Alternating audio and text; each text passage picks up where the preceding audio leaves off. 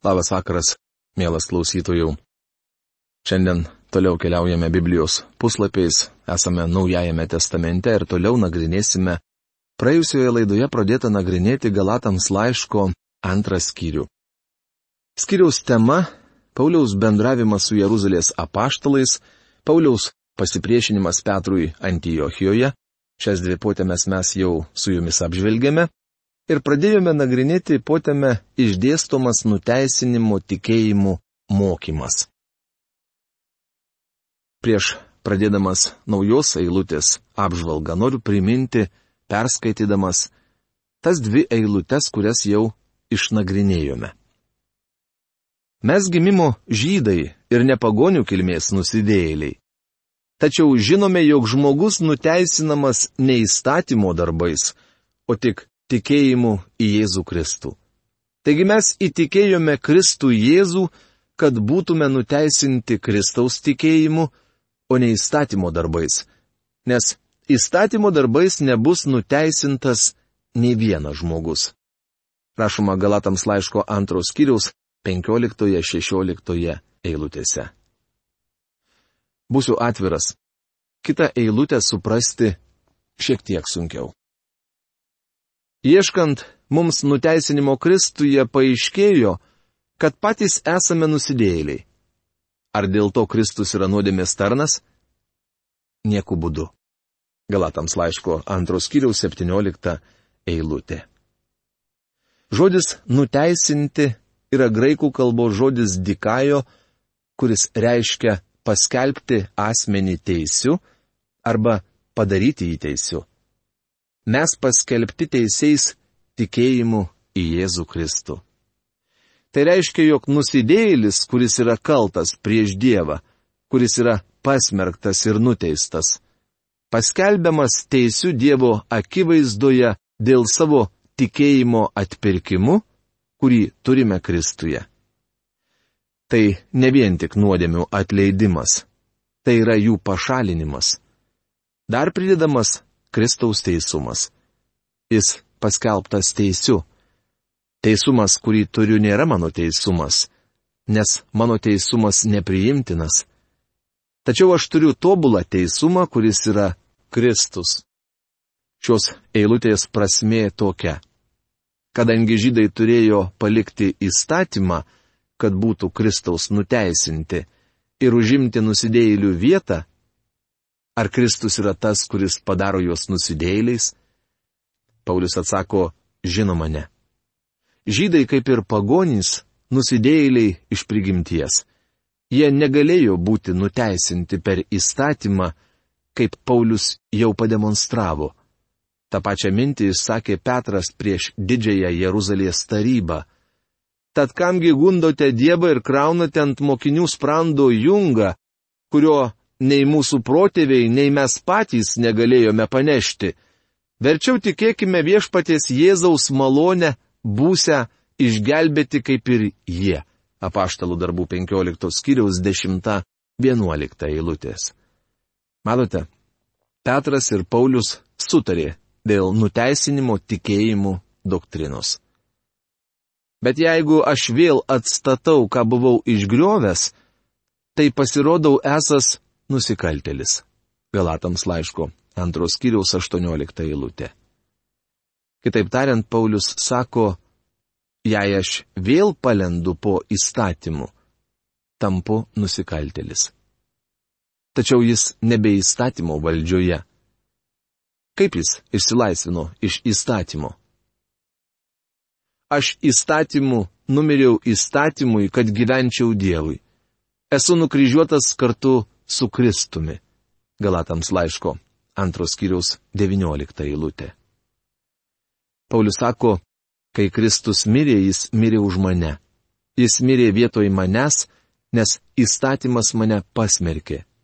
Matote, įstatymas buvo tarnavimas pasmerkimui. Antro laiško korintiečiams trečios skyriaus septintoje eilutėje Paulius jį vadina tarnavimu mirčiai. Jis mane pasmerkė Netgi žydams būnant įstatymo valdžioje, Dievas būtų turėjęs sunaikinti Izraelio tautą. Tačiau jis įsteigė aukų sistemą - penkias aukas, kurios visos rodė į Kristų. Dėl savo nuostabios malonės Dievas galėjo išgelbėti žmogų. Todėl gailestingumo sostas buvo malonės sostas, kur tauta galėjo rasti nuodėmių atleidimą. Taigi, įstatymas mane pasmerkė. Įstatymas žmogų apkaltino. Mes esame kalti prieš įstatymą. Taigi, iš tikrųjų, įstatymas atsakingas dėl to, kad Jėzus už mus mirė. Įstatymas mus pasmerkė, jis pasakė, jog turime mirti. Gerai, vadinasi, dabar, jei esu miręs įstatymui, tuomet daugiau nebesu atsakingas prieš įstatymą. Įstatymas mane jau nužudė, jis mane numarino ir aš esu miręs, miręs įstatymui.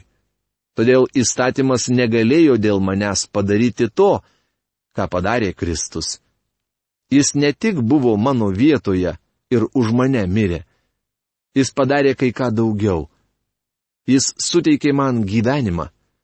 Jis prisikėlė iš mirusiųjų.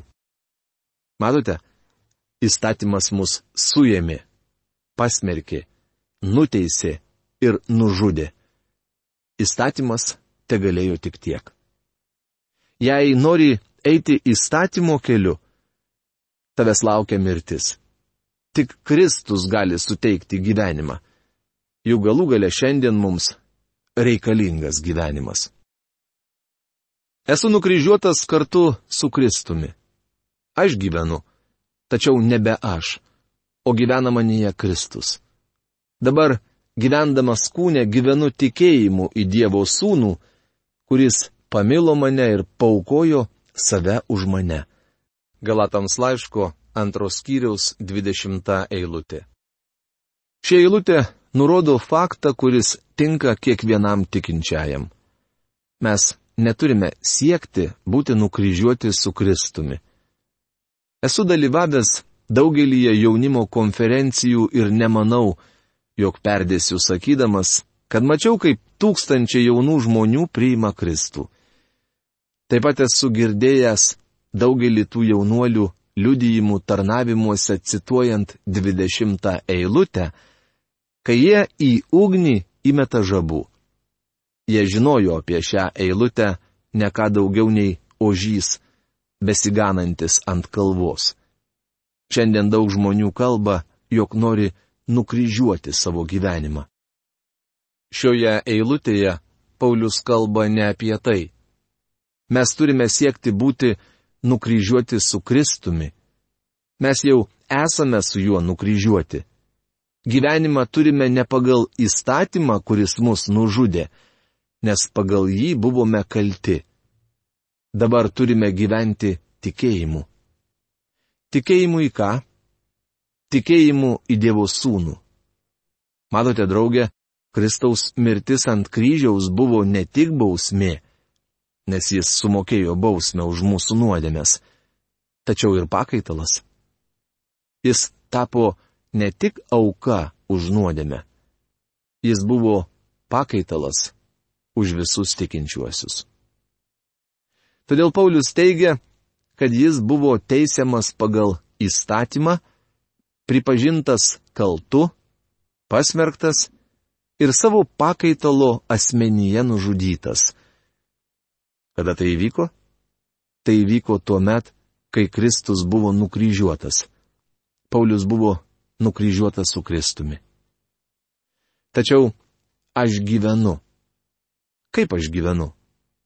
Kristuje. Šiandien jis gyvas ir sėdi Dievo dešinėje. Parašyta, jog mes esame pasodinti Kristuje. Šios padėties neįmanoma pagerinti. Tai turėtų padėti mums atsikratyti kvailo supratimo, jog galime save nukryžiuoti. Kai Los Andželo mieste tarnavau pastoriumi, kartą po tarnavimo prie manęs priejo jaunuolis ir paklausė. Daktarė Magi, ar jūsų gyvenimas nukryžiuotas? Manau, jog savo atsakymu šiek tiek nugazdinau tą vaikinuką. Ne, nenukryžiuotas. Tuomet aš jo paklausiau, o tavo? Jis minutėlę susviravo ir tuomet tarė, na, aš stengiuosi. Tuomet aš jam pasakiau, tu manęs klausai ne to, tu norėjai sužinoti, ar mano gyvenimas nukryžiuotas. Aš tau atsakiau, jog ne. Dabar tu man pasakyk apie savo gyvenimą. Ar jis nukryžiuotas? Jis dar kartą atsakė, aš stengiuosi.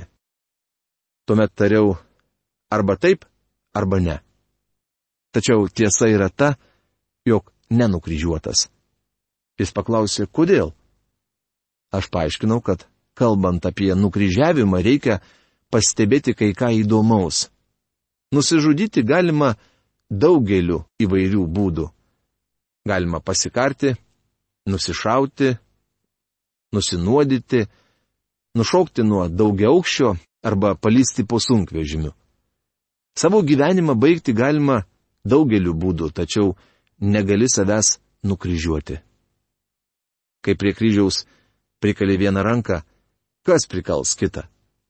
Pats negali to padaryti. Reikia suprasti, ką Paulius turi galvoje sakydamas, esu nukryžiuotas su Kristumi. Paulius buvo nukryžiuotas su Kristumi tuo met, kai Kristus mirė. Kristus mirė kaip pakaitalas. Jis mirė už Paulių. Jis mirė už jūs. Jis mirė už mane. Laiško romiečiams šeštame skyriuje parašyta, jog krikštų buvome palaidoti kartu su Kristumi, kai susitapatinome su juo. Mes buvome prikelti su juo naujam gyvenimui ir dabar esame susijungę su gyvoju Kristumi. Paulius sako, kad dabar mes jį pažįstame ne pagal kūną. Jis nebėra žmogus iš Galilėjos, kuris vaikščiojo aplink Galilėjos ežerą. Neseniai vaikštinėjau po tas apylinkės ir jo nemačiau. Šiandien ten jo nėra. Jis Dievo dešinėje. Jis pašlovintas Kristus.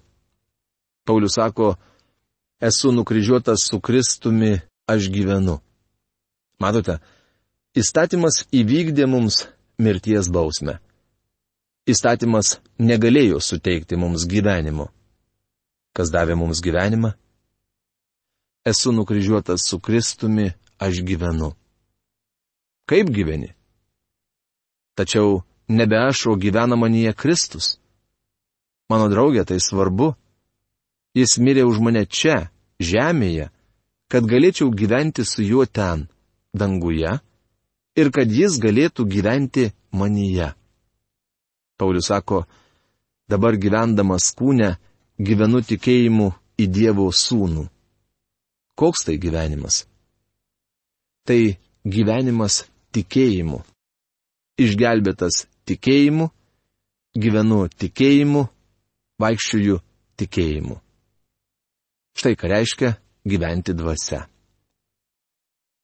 Gyvenu tikėjimu į Dievo sūnų, kaip švelniai tai skamba, kuris pamilo mane ir paukojo save už mane. Kristus pamilo mane, tačiau savo meilę jis negalėjo paimti manęs į dangų. Jis turėjo atiduoti save už mane. Dievo dovana yra amžinasis gyvenimas Kristuje Jėzuje. Dovana gauti galite tik tikėjimu. Tai tinka kalbant apie bet kokią dovaną. Jūs turite tikėti, jog davėjas, kuris laiko ištiesęs dovaną, yra nuširdus. Turite tikėti, kad jis kalba tiesą, kai ištiesia jums dovana ir sako, tai tau. Prieš tai, kai dovana taps jūsų nuosavybė, jūs turite tikėjimu ją paimti. Dievas siūlo jums amžinojo gyvenimo dovaną Kristuje Jėzuje. Išgirskite dar kartą. Dievas siūlo jums amžinojo gyvenimo dovaną Kristuje Jėzuje. Šios eilutės turinys duoda pagrindo manyti, kad Paulius dalyvavo nukryžiuojant Jėzų. Paulius buvo fariziejus, o kaip tik jie suorganizavo nukryžiavimą. Paulius buvo tas, kuris vadovavo persekiojant bažnyčią. Jis taip pat nekentė viešpaties Jėzaus Kristaus. Jėzaus nukryžiavimo metu jis greičiausiai Jeruzalėje lankė Gamalielio mokyklą. Negaliu patikėti, jog šis uolus jaunuolis galėjo likti namuose tą dieną, kai buvo nukryžiuotas Jėzus. Šventajame rašte parašyta, jog fariziejai tyčiojosi iš Jėzaus. Jie sakė jam nulipti nuo kryžiaus. Vėliau atsisėdo ir stebėjo, kaip jis miršta. Žemiau pulti jau nebeįmanoma. Manau, jog tą dieną Paulius ten dalyvavo. Po to, kai Paulius pažino pašlovintą Kristų, kurį matė mirštant, kuris prisikėlė ir sėdi Dievo dešinėje, jis galėjo prisiminti tą dieną ir ištarti, kol aš ten iš jo tyčiojausi ir niekinau, išreikšdamas savo neapykantą. Jis mane pamilo ir atidavė save už mane. Jis atidavė save. Tai didžiausia auka. Paulius pavadino save didžiausiu iš nusidėjėlių. Ir tai nebuvo hiperbolė arba retoriškas posakis. Tai buvo tikras faktas. Jis buvo didžiausias iš nusidėjėlių. Mano draugė, gali sutrypti brangų Kristaus kraują jį ignoruodamas, nusisukdamas nuo jo arba atsisukdamas prieš jį kaip Paulius. Tačiau Jėzus meldėsi kaip tik už tokius žmonės. Tėve, atleisk jiems, nes jie nežino, ką dara, rašoma Luko Evangelijos 23 skyriaus 24 eilutėje. Netgi jei jūs jo nekenčiate, jis jūs pamilo ir atidavė save už jūs. Aš netmetu Dievo malonės, nes jei teisumas įgyjamas įstatymu, tai Kristus numirė veltui. Galatams laiško antros kiriaus 21 eilutė. Pagrindinė šios eilutės mintis paprasčiausiai yra ta, jog jei būtų buvęs koks nors kitas būdas išgelbėti nusidėjėlius, Dievas būtų jį panaudojęs. Jei būtų galima duoti kokį įstatymą ar religiją, kuris išgelbėtų nusidėjėlius, Dievas būtų tai padaręs. Tačiau vienintelis būdas kaip amžinasis Dievas galėjo mus išgelbėti, tai pasiūsti savo sūnų mirti. Jis norėjo paukoti didžiausią auką. Mėlyji, o ar mes priimsime tą auką? O ar mes galime paukoti save, kad įgytume draugystę su juo? Galatams laiško trečias skyrius. Tema - nuteisinimas tikėjimu, Galatų patyrimas, Abraomo pavyzdys. Galatų patyrimas. Dabar Paulius grįžta prie Galatų patyrimo. Kaip jie buvo išgelbėti? Ar jie buvo išgelbėti per įstatymą, ar tikėjimu į Jėzų Kristų? Asmeniškai aš tikiu patyrimu. Esu kilęs iš metodistų šeimos. Kai buvau mažas, pietų Oklahomos valstijoje, nedažytos metodistų bažnyčiaus gale eidavau prie tujomis apsodinto atgailautojų altoriaus. Buvau tik mažas berniukas, tačiau ten klupodavau atvirą širdimi. Aš tikiu išgyvenimais.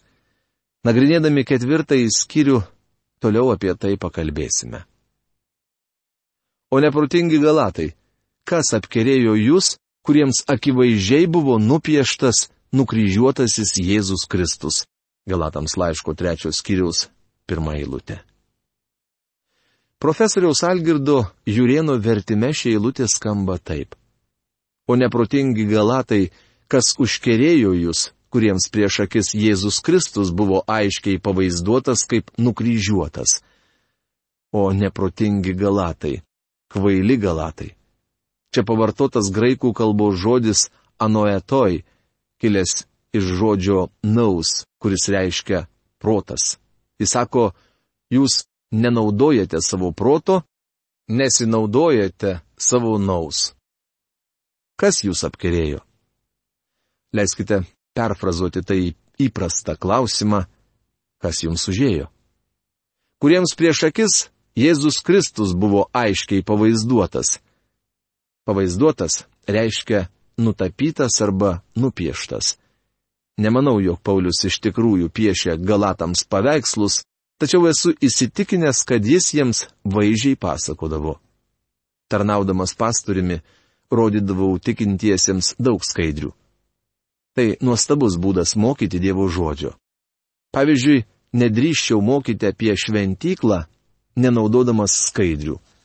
Tai būdas pavaizduoti mokymą ir Paulius pavartoja kaip tik šį žodį. Pavaizduotas kaip nukryžiuotas. Jo mirtis ant kryžiaus atnešė mums išgelbėjimą. Noriu jūs paklausti tik tai vieno dalyko. Ar jūs gavote dvasę įstatymo darbais ar įtikėdami, ką išgirdote. Galatams laiško trečios skyriaus antra eilutė. Čia turime būti labai atsargus.